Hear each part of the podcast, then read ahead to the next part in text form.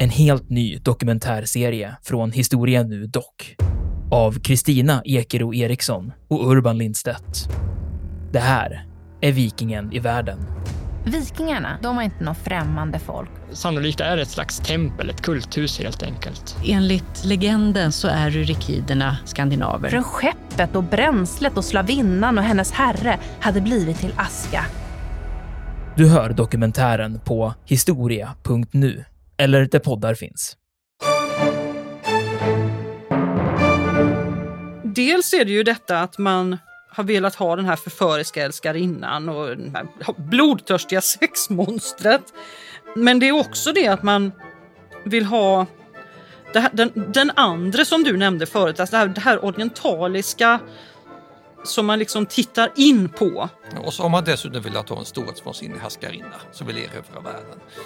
Den här trippelgrejen, de här tre klopporna, de kan man sen stoppa i nya element med partyprinsessor, vampar.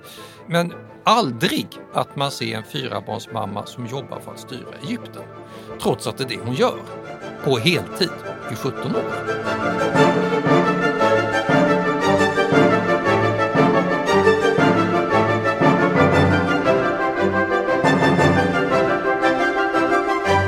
Välkomna till Harrisons dramatiska historia med mig som heter Dick Harrison. Jag är professor i historia vid Lunds universitet och med min kära hustru Katarina Harrison Lindberg. Det var ju så när vi hade första säsongen av våra poddavsnitt, då berättade vi hela tiden att det är så här vi umgås, jag på att säga. Vi brukar ofta, vi sitter ju hemma och jobbar tillsammans i, i varsitt arbetsrum. Och, eh, I Åkarp. Ja, i Åkarp, mellan Lund och Malmö. Och eh, ibland så tar vi paus och eh, äter lunch eller fikar eller tar en promenad eller någonting. Och då sladdar vi väldigt ofta in på den här sortens samtal. Ofta för att någon av oss har hållit på med någonting och skrivit och känt ett behov att berätta om det för jag tyckte det var så spännande. Och då har det ena fött det andra och så är vi mitt uppe i något spännande utforskningsintellektuellt resonemang om någon händelse för mycket länge sedan eller en person för länge sedan. Ja. Som i det här fallet. Idag är det en person. Vi ska närma oss Kleopatra. Du har ju faktiskt skrivit en bok om henne. Men det häftiga med Kleopatra tycker jag, det är att hon är en sån person som jag föreställer mig att nästan alla har en bild av. Man tänker sig att alltså, skulle hon stiga in genom dörren här nu så skulle vi fatta att det var hon. Skulle man gå vi. på en maskerad och någon hade knutit sig till Kleopatra skulle alla fatta att det är Kleopatra. Alla skulle förstå att det var hon. Man vet hur hon ser ut med sin peruk och sin näsa och sina kläder.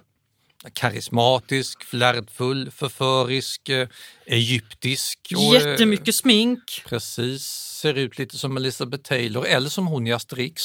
Ja. Kleopatra. Alltså det, det är en ikonisk bild. Trots att vi inte har en susning om hur hon såg ut egentligen. Nej, för det här är rena fantasibilder. Allting är fantasibilder. Det där med näsan till exempel. I Asterix-albumet Asterix och Kleopatra tjatar man om hennes näsa hela ja, tiden. Vilken, vilken näsa! näsa. Och det, det kommer bara ifrån en myntavbildning. Kleopatra avbildas traditionellt hellenistiskt ptolemaiskt i profil med framskjuten näsa, bestämd haka och lite väck på halsen. Så avbildades alla andra ptolemaiska drottningar också, men hon är mest känd. Och den här näsan den har ofta formen av en böjd örnnäsa. Och eftersom Kleopatra var känd, jättekänd, under samtiden och ännu kändare efter sin död. Och det här var ett av de få porträtt som man kände till så kom näsan att fastna och eh, trots att alla andra hade likadana näsor på de här mynten. Det kanske så var en ptolemaisk näsa? näsa. Jajamän, där kommer man spåra hundra tillbaka. Men det var hennes näsa som blev speciell och på 1800-talet då blev den föremål för romaner. Men jag Lord måste Burns fråga... skrev The Romance of a Nose 1941 och, ja, och så vidare. jag måste fråga en sak. När det gäller sådana här myntporträtt. Ska man föreställa sig att de här personerna på mynten, om det är om det är hon eller det är någon, någon eh, romersk kejsare eller vem det är, ska man tänka sig att de faktiskt är sig lika? Eller är det mer eh, Romarna, typer ja. bara? Romarna, ja, vissa romerska kejsare, många av dem, satt i system att avbildas realistiskt, såg det som en del i, sen, i sin alltså principatsideologi. Ungefär, vi är precis som ni, vi avbildas som vi ser, ser ut, så vi är inga envåldshärskare. Utan det, det var lite av den ideologiska grejen under principatet i Rom, alltså tiden från Augustus och Tiberius fram till 200-talet. Då har vi många väldigt realistiska porträtt. Mynten av Nero, det ser vi en eh, dekadent fläskberg och det var meningen. Vespasianus ser ut som en snålvarg, vilket han var och så vidare. Men det är, det är en speciell Rom, ja men han tog skatt på kristna. Vi kommer komma ja, till honom lite senare. Men, men, alltså, de, de, de här, men det är alltså speciell romersk kejsarideologi under några få sekler. Det normala är att myntavbildningar är stereotyper. Du skall avbildas med drag som går igen på alla de andra mynten också. Det finns inga som helst möjligheter att utifrån Kleopatras mynt räkna ut hur hon såg ut. Och hon så, kan ha haft en sån här näsa precis näsa. som alla hennes systrar och bröder. Ja, med tanke på hur inavlade ja. Ptolemejerna var så det är inte osannolikt. Men vi vet alltså, Nej. vi har inga autentiska porträtt av henne överhuvudtaget. Vi har bara standardavbildningar, hellenistiska och egyptiska och de kan vi inte utgå från. Så slutsatsen här då det är att vi vet inte hur hon såg ut. Men det är egentligen inte så konstigt. För att om vi ska vara riktigt ärliga så vet vi inte sådär jätte, jätte, jättemycket om henne i övrigt heller. För hennes historia den skrevs av hennes romerska fiender och av historieskrivare som levde i fiendernas imperium under de seklerna som följde på hennes död. Och hade i uppdrag att skriva skit om henne. Ja, precis. Så det var ingen egyptisk eller ptolemaisk skribent som skildrade henne. För att hennes välde det gick under med henne så att de, de kunde inte skriva hennes historia. Ja, det är alltså paradoxalt nog just på grund av det här som hon är känd. Hon var den sista i sin ett sista härskaren av det självständiga Egypten innan romarna tog över och just därför ville romarna demonisera henne så mycket som möjligt. Så att hennes minne levde kvar just på grund av hennes fienders skitsnack.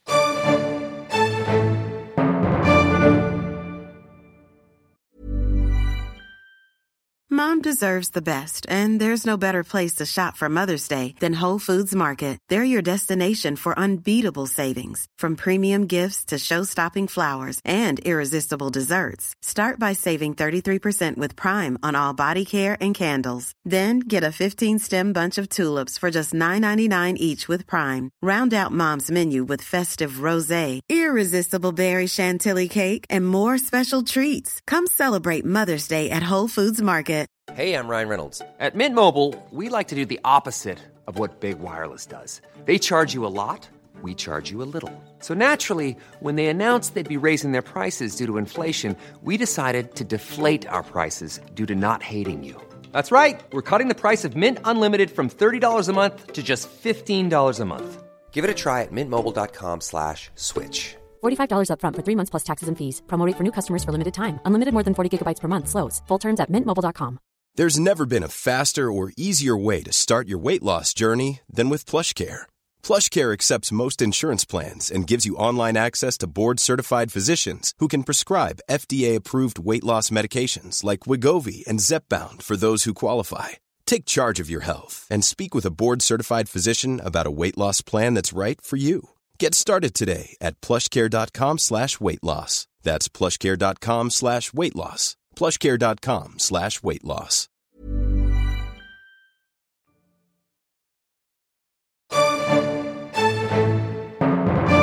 Men hon var samtida med Julius Caesar. Vad sa han om henne då? Vet vi det? Ja, Caesar noterar henne lite grann i förbigående för han skriver ju om sig själv i tredje person och han åkte dit och, och han gjorde det. Han gjorde det. Han gjorde det. Eh, Caesar och Kleopatra blev ett kärlekspar. De fick ett gemensamt barn, men han skildrar inte sitt privatliv i sina memoarer. Absolut inte med en utländsk makthavare. Det var väldigt icke-romerskt. Det, var, hade varit en belastning i Rom, utan han ser henne som en politisk resurs och nämner henne bara som en sådan, liksom han nämner andra också. Däremot är det ju helt klart att hon gjorde intryck på honom liksom hon gör på andra romare efteråt. Så hon måste ha haft en stor karisma och politisk begåvning och hon härskar ganska länge i Egypten. Men det är bara de segrande fienderna som målar upp hennes bild. Det finns en sak som är lite rolig med tanke på hur lite vi vet om henne. Mer än att man då kan dra en del indirekta slutsatser. Mm. Att hon håller på länge och, och hon kanske var ganska framgångsrik trots allt. Men hennes handstil är bevarad. Ja, det här är skitkul. Vi har faktiskt Kleopatras autograf. Ja, det är lite ställe. häftigt. Och det är inte normalt för folk som levde för över 2000 år sedan. Det har överlevt på ett eh, papyrusdokument mm. som det hade använts som mumieemballage, bara, bara detta. Och sen har man faktiskt, ja, så, så, så hittade man det här. Och det visade sig att det var, på det här lilla papyrusdokumentet så var det var en vanlig skrivelse, inga konstiga saker. Det är daterat till den 23 februari år 33 f.Kr. och är nedtecknat av en, ja, en skrivare i den egyptiska administrationen och längst ner så står ordet Ginnestoi, må det ske, eh, i en annan handstil än det skri skrivarens handstil. Och antagligen då så får man föreställa sig att det är Kleopatra som har, har skrivit under det här dokumentet. Liksom, ja, som statsmän ja, och mäktiga precis. kvinnor gjort i alla tider. De får en massa dokument att skriva under och så gör de det och så verkställs beslutet. Och det var hennes jobb. Mm. Hon härskade på riktigt som härskarinna rent i, i Egypten. Så det var hennes arbetsuppgift hennes autograf har blivit kvar. Det är trots allt väldigt, eh, det, det tycker jag är, är, är, kul faktiskt. Det är kul. Men nu har vi sagt en massa saker som var, det här vet vi inte och det här vet vi inte. Men du har, trots att vi då inte vet någonting om henne, skrivit en bok om henne, så ja. någonting måste man ju veta. Alltså, mängden av notiser om hur dum hon var, hur förförisk hon var och sensuell hon var, bla bla bla. Finans skitsnack gör vi trots allt och ganska mycket källor om henne. Vinklade sådana, men det räcker för att vi ska kunna sy ihop någon sorts ramverk lätt.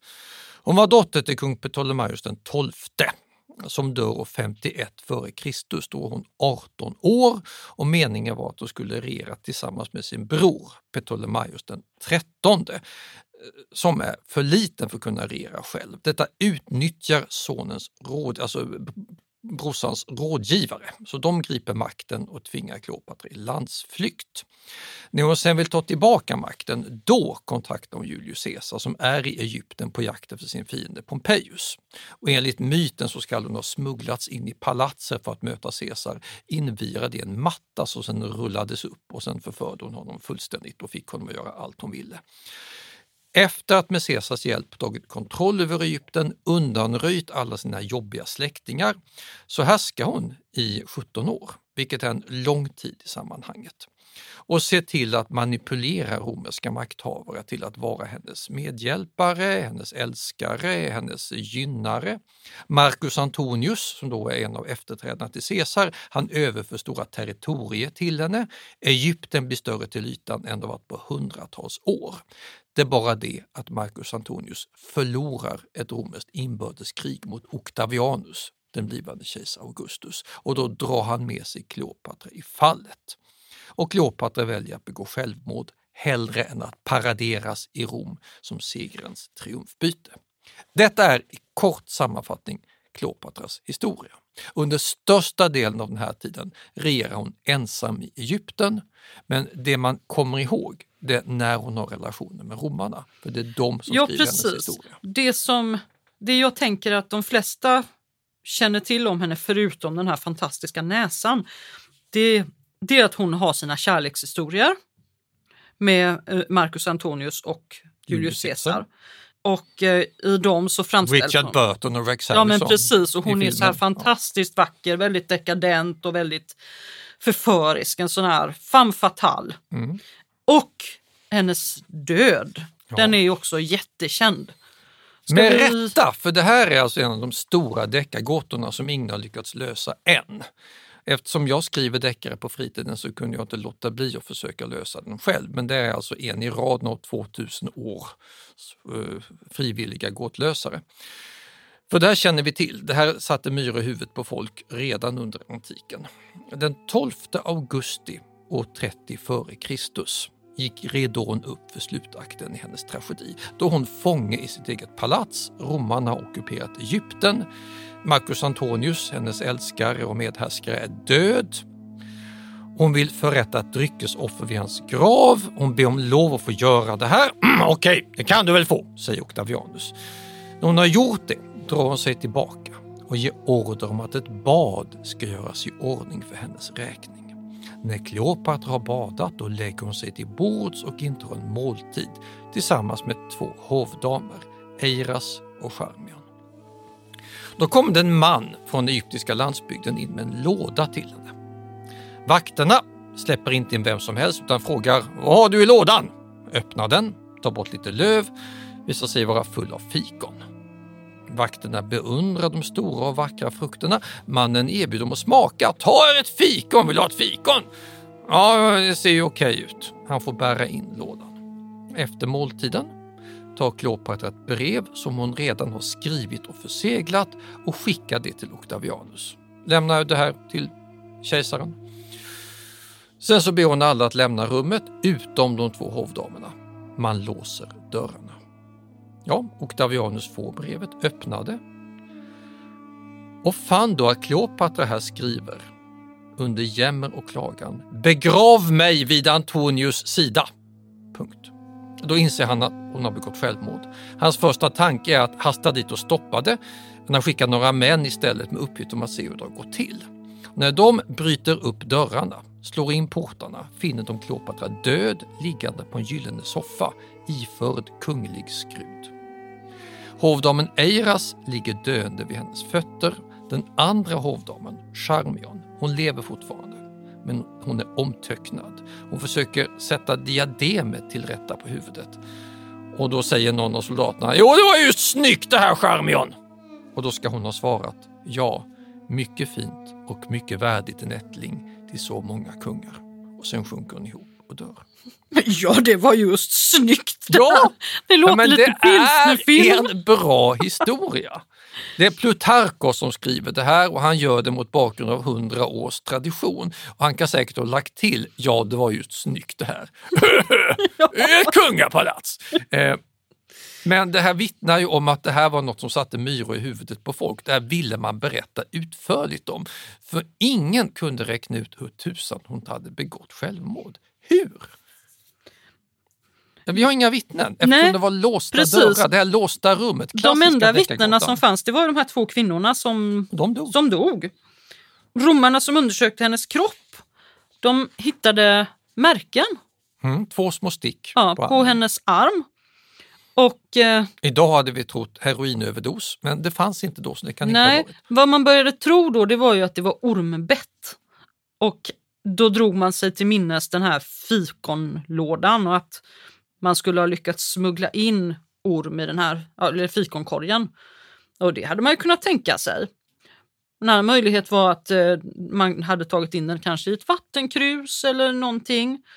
Men ehm, Detta drog det är man ju ingen som direkt. vet alltså. Nej, men man drar slutsatsen direkt och då börjar man leta orm.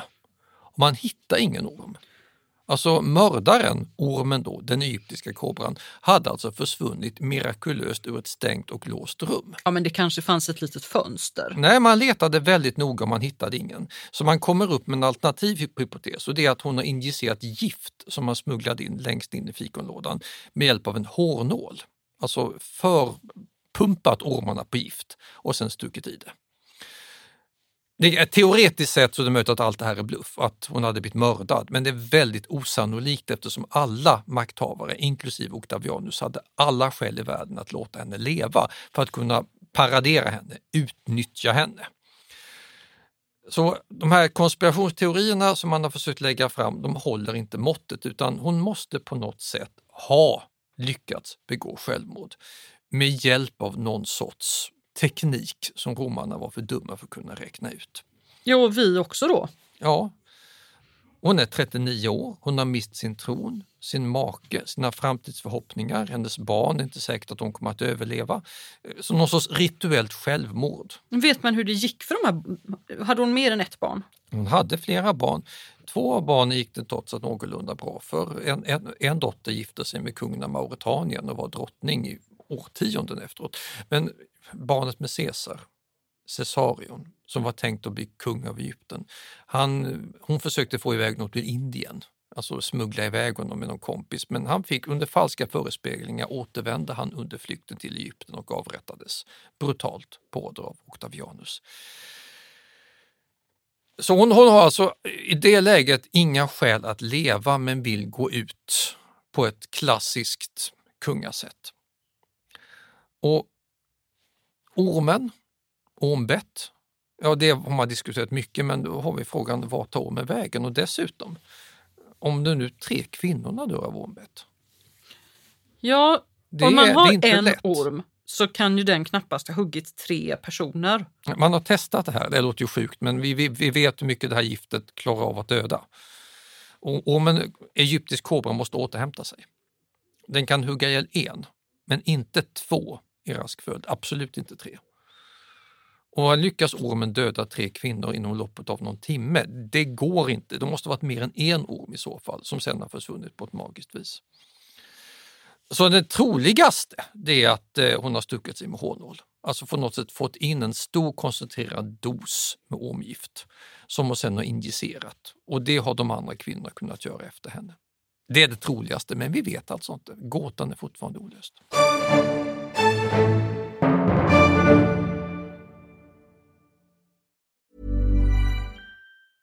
Hey, I'm Ryan Reynolds. Recently, I asked Mint Mobile's legal team if big wireless companies are allowed to raise prices due to inflation. They said yes. And then when I asked if raising prices technically violates those onerous two year contracts, they said, What the f are you talking about, you insane Hollywood ass?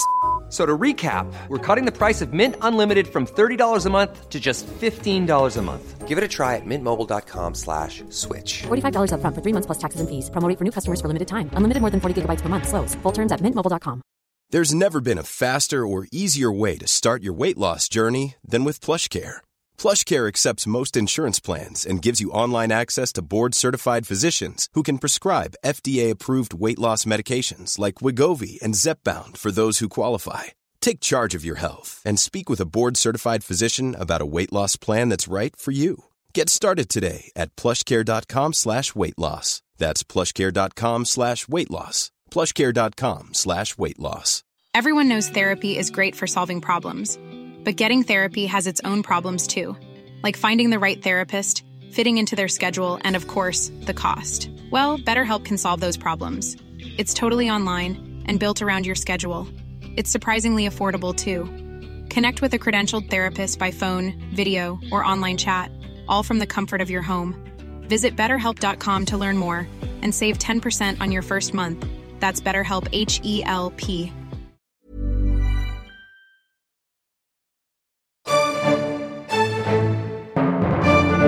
då får hon ett postumt liv istället, för det är nu historien börjar på riktigt. Ja, det är det. Och då har Octavianus tagit över, blivit kejsar Augustus och det var hans sista stora fiende som var död. Och han hade egentligen velat ha henne vid liv, Ja, för det hade varit mycket bättre. mhm. så vad gör man nu med henne när hon är död? Ja, man kan sno hennes barn, döda dem eller gifta bort dem, hålla dem som gisslan. Och Det gör han, allt det här sker. Man måste ju svärta ner henne. Ja, får hon bli en resurs för romarna i döden? Hur ska man då svärta ned en död kvinna? Dessutom, hon, hon är grekiska, hon är utländska. Och hon har hållit på fienden Marcus Antonius. Hon har alltså gjort fel, fel, fel och hållit sig vid liv och vunnit i 17 år. Hon har varit en farlig fiende, Mm. men en stor flotta som ha- har haft en chans att vinna. Jag sett ur Octavianus perspektiv så blir hon nu som död en resurs som man kan använda. Men då måste man göra om henne lite grann. Men hon kan ju inte vara den här starka, duktiga, Flerbarnsmamman som Nej. styr ett land med egen hand. ja och som faktiskt får uppenbarligen har, får inflytande. Alltså hon, hon kan ju påverka, hans företrädare de har ju ändå imponerats av henne. Ja, framförallt Caesar. Ja. Caesar som adopterade Octavianus. Det är alltså adoptivpappans tjej som nu ska demoniseras. Så hon måste ju ha, det måste ju ha varit svårt att hantera henne alltså. Nej, så vad har man då för någon sorts uppsättning, epitet, tillvitelser? Alltså, anklagelser man kan lägga det finns på ju henne? väldigt mycket man kan använda. Man kan använda att hon är kvinna. Ja, det vet ju Aristoteles och sådana. Ja, det vet ju Aristoteles hur sådana är. De är alltid de är eh, lösaktiga, de är omoraliska, de är förföriska, de Allmänt är skumma. allmänt skumma. Dessutom Dessutom, slösar de ganska ja, mycket. hon slösar ju. Hon är ju från Egypten, där slösar man ju. Ja, Vad precis. var det det hette? Tryffe. Precis. Tryffe, överflöd och lyx. Ja. Så det var att, antagligen korrekt iakttagelse dessutom. Det slösades i Alexandria. ja, det slösades i Alexandria. Det är klart det gjorde. Det, man skulle aldrig ha slösat i Rom. Och de här romarna, Caesar och Marcus Antonius, att det gick som det gick för dem. Caesar mördas och Marcus Antonius blir ju skum och måste besegras. Det är ju för att hon korrumperar dem. Det är hennes fel. Sin förföriska, omoraliska, onaturliga kvinnliga charm så kan hon få romare på fall. Ja, sån är hon. Ja, så, så börjar man då skapa Kleopatra efter hennes död. Och konsekvensen av det här är att vi vet nästan ingenting om vad hon gör på riktigt i vardagen. När vi säger att vi vet lite om henne, då är det för att romarna är bara intresserade av hur hon korrumperat våra romerska fältherrar. Hon sitter i 17 år och regerar framgångsrikt hela Egypten. Och ja, Vi vet att hon gör det för vi har hennes autograf kvar på ett sånt här brev. Men i övrigt, alltså romarna struntar ju i hennes vardagsjobb. Utan hon får stå för allt som romarna själva inte representerar. Romarna är dygdiga, då är hon omoralisk. Ja, nu ska vi ju tänka så här att romarna, de, de har, deras självbild är ju att de är manliga, dygdiga, eh, det är ordning på torpet och, Ja, det, är, det är deras plikt att Ja, nedkämpade övermodiga, skona fiender och kaska, parkere subjectisse, debellare superbos, som Vergilius säger. Det är deras uppgift. Ja, det är så man säger. Ja. Det här, hon står ju för någonting helt annat. Hon står för det här, här fläskar vi på, här... Eh, Hon blir den förvrängda spegelbilden, antitesen till allt som definierar Rom. Smink, lösaktighet. Edward Said, den palestinska amerikanska litteraturvetaren, skulle säga att detta är typisk orientalism. Det är så man målar en bild av sig själv genom att demonisera en österländsk fiende. Och det ligger något i det. Man skapar sådana här bilder när man vill definiera sig själv som något bättre. en av de roligaste bilderna här, det är den här historien om pärlan. Ja, herregud. Ska du dra den? Alltså, det, den, är så, den finns med i Asterix-albumet. Ja, den, den är, det här Ja. är en klassiker. Helt Ja. orealistiskt men väldigt kul. Det, är, det, det, är väldigt, det sägs så här att Kleopatra ska ha druckit pärlor genom att lösa upp dem i en dryck. Antagligen skulle det ha varit vinäger eller ättika. Det heter vinum acker i den Ja. här romerska anekdoten. Vi vet inte vad det är för något. Nej. Det kan vara både vinäger och ättika. Men det bör ju ha varit något väldigt surt i alla fall för annars är det ju helt omöjligt att lösa upp pärlor. Men det finns ingenting i den här historien som tyder på att den skulle vara sann. Den berättas av eh, Plinius den äldre. Det var han som var så bitter över att... Eh, Världens underverk, inte inkluderade akvedukter. ja, precis. Plinius Han, han var intresserad av precis allting. Ja. Det är han som kör in sitt fartyg i Vesuvius utbrott för att se hur Pompeji går under och så precis. dör han själv. Men han drar också den här historien om att Kleopatra skulle ha löst upp eh, Hon pärlor. ska ha haft två stora pärlor va? Ja, i öron, eh, som örhängen. Ja. Och sen inför ett eh, kalas, så här, så här säger han. De två största pärlorna någonsin ägdes båda av Kleopatra, Egyptens sista drottning, som fått dem av orientaliska kungar. När Antonius dagligen frossade på utsökta måltider klandrade hon högfärdigt och provocerande som den sjökodrottning hon var all hans överdådiga lyx. När han frågade vad som kunde läggas till hans magnifika bord svarade hon att hon på en enda middag skulle spendera 10 miljoner sestertier. Och sen slår de vad? Och sen slår de vad och sen så tar hon en av de här pärlorna i, och löser upp den och sveper drycken. Och den andra då? Visst, visst stoppar han det? Ja. Det är ju en enorm diskussion Ja precis, han tycker att det är, ja, det är det att ta i alltså. Så att eh, han, han avbröt eh, det här. Så här "Åh, Stopp nu. Men kan det här ha skett? Om vi snackar rent vetenskapligt. Alltså kan, man ha, kan detta verkligen gå till? Det här är en fantastiskt bra historia, men tyvärr då, alla som alltså, gör inte det här. Nej, och det går inte heller. Man har nämligen försökt göra detta. Man har tagit vinäger och ättika och de kan inte lösa upp pärlor på det här sättet. Att om man tänker sig att man tar en Ja, ett litet glas då med ättika och så lägger man i en pärla där i och rör runt. Och så, den kommer inte lösa upp sig så att man efter en liten stund Men, men om, om kan man dricka har det. hög syrahalt och kokar det dessutom? om Ja, men då får man just ha hög syrahalt och sen så kokar man den här brygden, men då får man koka den i tre timmar. Det går inte att göra så här som hon ska ha gjort. Det har inte smakat så gott. Nej, dessutom, det här är ju, man ska inte dricka ättika. Men om du tar en pärla och lägger den i kall vinäger? Nej, men den, kom, det, det kommer inte, den kommer inte lösa upp sig då. Ja, jag- jag Det blir inte så här, åh, bubbel, bubbel, så det blir inte som en brustablett. En annan invändning, alltså, om hon nu lägger den i mycket, mycket stark syrerik, riskerar hon inte att ja, Jo, men hon skulle ju ha blivit sjuk. Man kan ju bränna inte- sönder inälvor? Ja, jag menar om, om, om hon har en dryck som löser upp pärlor, vad tror man händer med hennes inälvor då? Hon kan ju ha smulat sönder pärlan i förväg till pulver och sen fått någon sorts massa att klicka ihop sig så den ser ut som om den är hel men den är egentligen bara en ansamling. Hon kan ju ha haft någonting helt annat än en pärla bara för att showa off. Så kan det ha varit. Men det är inte en lika bra historia. Hon kan också ha svalt den hel och då kommer den ut den naturliga vägen.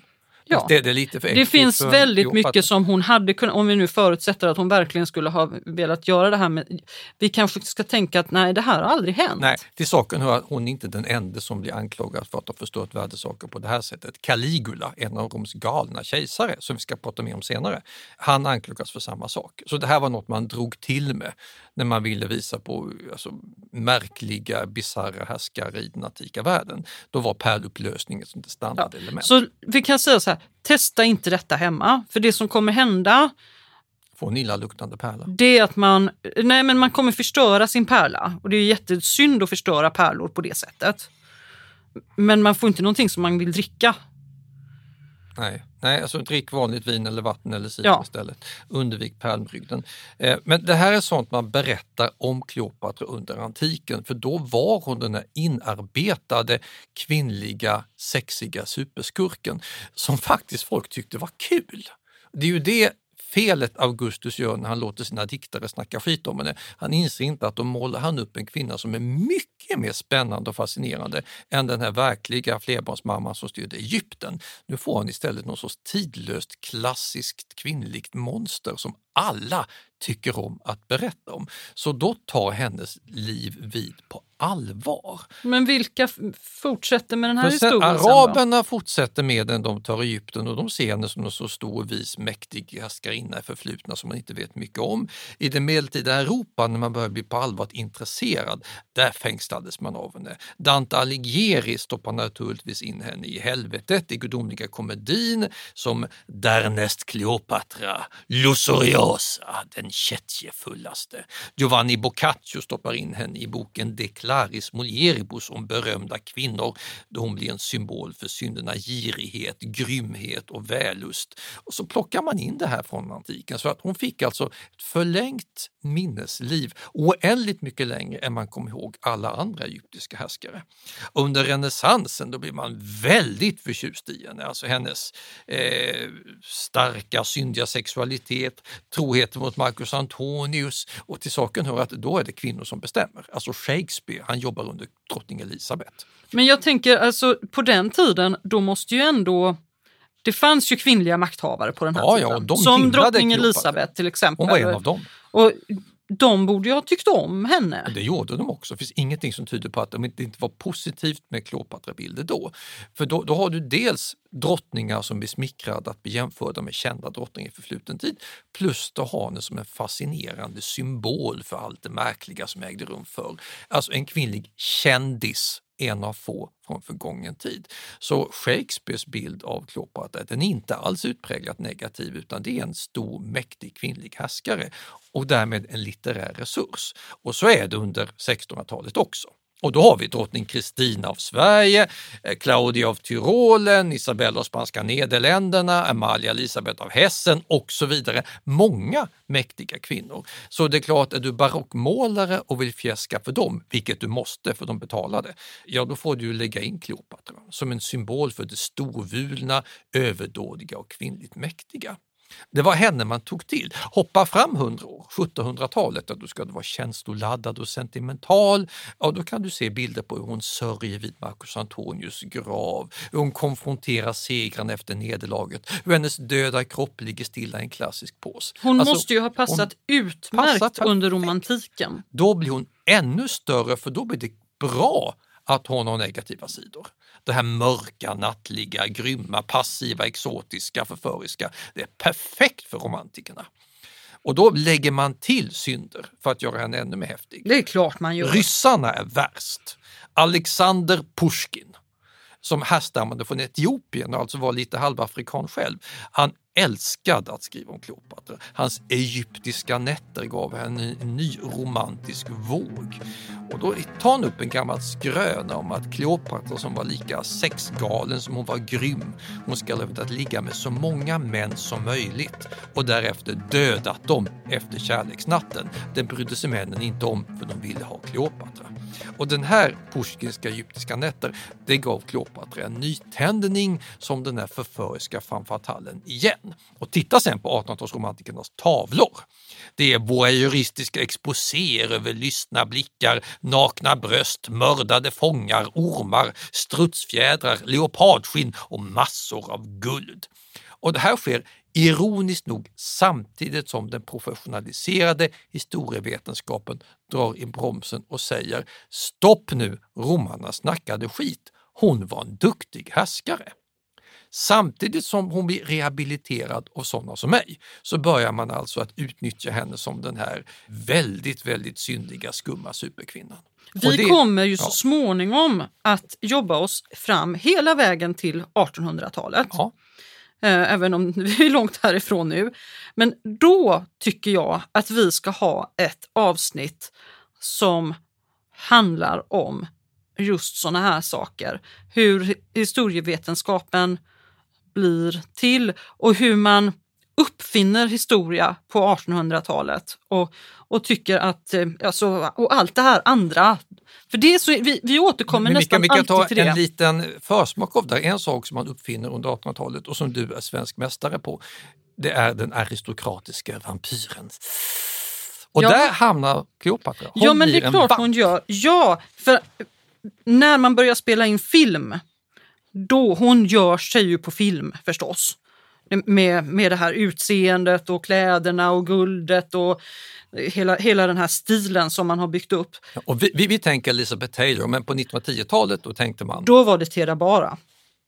Theodosia Förstås. Goodman. Ja, hon hette egentligen Theodosia Goodman, men, eh, men hon är känd som Tera Bara. Det var ett anagram på Arab Death.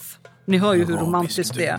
Och hon är den första vampen och, alltså en kvinnlig vampyr som suger musten av kakan? Ja, nej, men det, det, var inte riktigt så. Alltså, va, vamp och vampyr, det, det, är ett ord, de är ju besläktade med varandra. Men en, en vamp, i, i, en filmvamp var inte en, eh, en vampyr. Hon kunde vara nej, det. Men hon kan påverka, men hon suger var, musten, hon, ja, hon var, bryter ned. Precis. Hon var en eh, förför, hon var precis som Kleopatra, en sån här förförisk farlig kvinnogestalt som gav sig på ärliga, hedliga, fina familjefäder och drev dem i fördärvet. Och det här gick hem i biosalongerna? Precis, det här gick verkligen hem i, i biosalongerna. Så att hon spelade Kleopatra 1917 och jag menar, hon gör ju naturligtvis detta.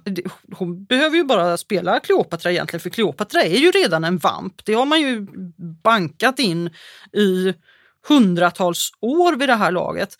Så att när, när hon spelar där, tyvärr, ingen kan se den här filmen för den finns inte kvar. Har den brunnit upp? Ja, det, det, det är ju så med, med, med, en del av de här första filmerna att de, de har liksom inte bevarats.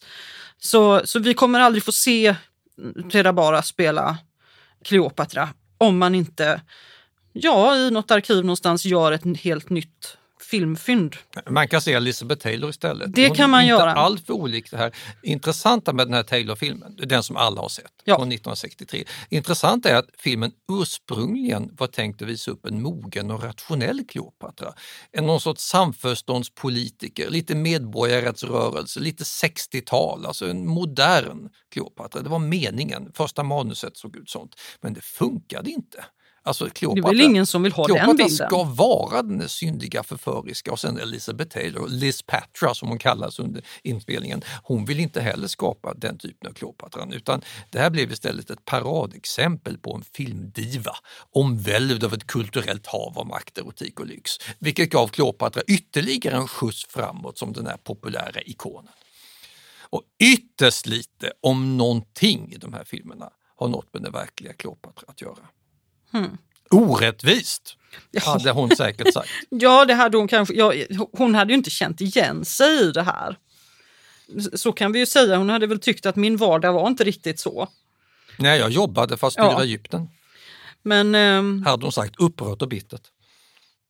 Alltså, vi har alltså 2000 år av spretigt bluffmakeri här. ja, alltså, del, dels är det ju detta att man har velat ha den här förföriska älskarinnan och här blodtörstiga sexmonstret. Men det är också det att man vill ha det här, den, den andra som du nämnde förut, alltså det, här, det här orientaliska som man liksom tittar in på. Och så har man dessutom velat ha en storhetsvansinnig härskarinna som vill erövra världen. Den här trippelgrejen, de här tre Kleopatrorna, de kan man sen stoppa i nya element med partyprinsessor, vampar, men aldrig att man ser en fyrabarnsmamma som jobbar för att styra Egypten. Trots att det är det hon gör, på heltid i 17 år. Men ska man göra det, Och då, Vilken tråkig film. ja, då blir. det ju precis, man gör inte en film om en fyrabarnsmor som jobbar hela tiden. Nej, det blir en Lars Norén-drama Det blir, inte, det blir inte ens en dokumentär. Nej. Så det blir istället baktaleriet och mytbildningen som sätter agendan för henne. Annars hade vi inte känt till henne. Nej. Precis. Det, hennes interagerande med Caesar och Antonius var lyckosamt. Hon hade två fina relationer med romerska härskare, vilket gav henne 17 år som härskare. Sen hade hon en totalt misslyckad diplomatisk relation med den blivande Augustus som slutade i katastrof, men på grund av det så kom hon att demoniseras, stigmatiseras och få postum revansch som ingen antik eller forntida härskare har kommit i närheten av. Nej. Och man skulle kunna säga då att om inte detta hade hänt, då hade vi inte känt till henne. Nej, Det är inte alls. som att vi sitter här och pratar om Arsinoe Nej. eller någon av de andra Kleopatra. Ja, Hon har faktiskt en samtida som men kommer ihåg också en annan orientalisk despot från exakt samma tid som också blev ihågkommen. Och det är hennes kollega i landet närmast till öster, kungen av Judeen, Herodes den store. De är samtida. Han var också Ja, eh, Kleopatra hade goda relationer med Herodes fru, Mariamne. De brevväxlade och hade samarbete. Han lät sedan mörda henne och Per Lagerkvist har skrivit en Ja, jättebra roman det, om det, här. får vi bara ge, jag ger boktips här. Men om man vill läsa en bok av Per Lagerkvist, det är en av mina favoritförfattare faktiskt. Jag har älskat honom i decennier vid det här laget. Och jag tycker att boken Mariamne är fantastiskt fruktansvärd. Man mår bra. inte bra när man har läst Jag den. vet inte om det är den första boken man ska läsa av honom, men Den sista han skrev tror jag. Ja, ja men, det är det. Men det är en fantastiskt bra, gripande, eh, svår bok faktiskt. Så jag jag vill slå ett slag för den. Gå och köp den, låna den, vad, vad ni gör.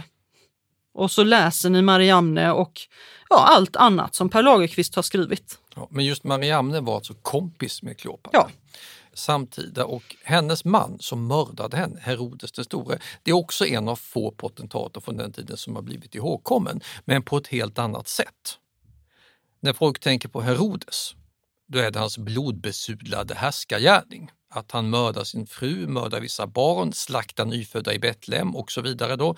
Men för Kleopatra är det tvärtom. Hon har just på grund av att de antika författarna aldrig tröttade på att brodera ut hennes öde kommit att framstå som tragisk hjältinna också. Herodes blev den arketypiske tyrannen, envåldshärskaren som slaktar och dödar alla. Kleopatra blev en kvinnlig urkraft. Mm.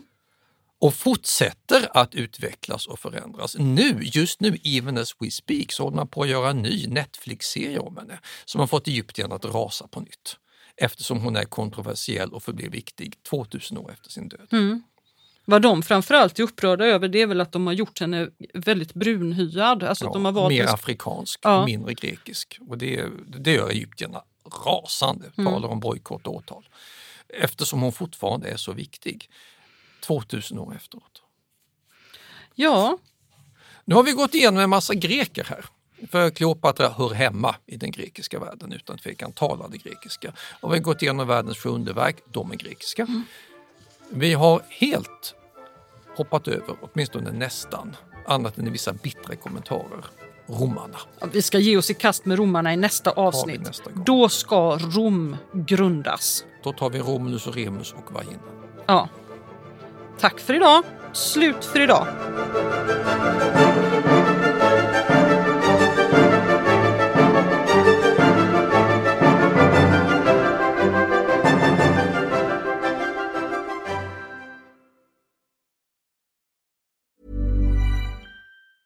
Planning for your next trip? Elevate your travel style with Quince. Quince has all the jet setting essentials you'll want for your next getaway, like European linen, premium luggage options, buttery soft Italian leather bags, and so much more. And is all priced at 50 to 80% less than similar brands. Plus, Quince only works with factories that use safe and ethical manufacturing practices. Pack your bags with high-quality essentials you'll be wearing for vacations to come with Quince. Go to quince.com slash pack for free shipping and 365-day returns. Iran har under 1900-talet genomgått tre omvälvande revolutioner som orienterat landet antingen mot västerlandets modell eller mot en auktoritär styrelseform. Idag pågår en social revolution i landet som vänder sig mot det islamistiska styret och vars anhängare har Europa och väst som förebilder. I en viktig bok ger idéhistorikern Mohammad Faslashemi en djupare förståelse för dagens dramatiska händelseutveckling. Iran mellan tre revolutioner är utgiven av förlaget Historiska Media. Beställ den fysiska boken på förlagets hemsida historiskamedia.se eller köp den i en bokhandel nära dig.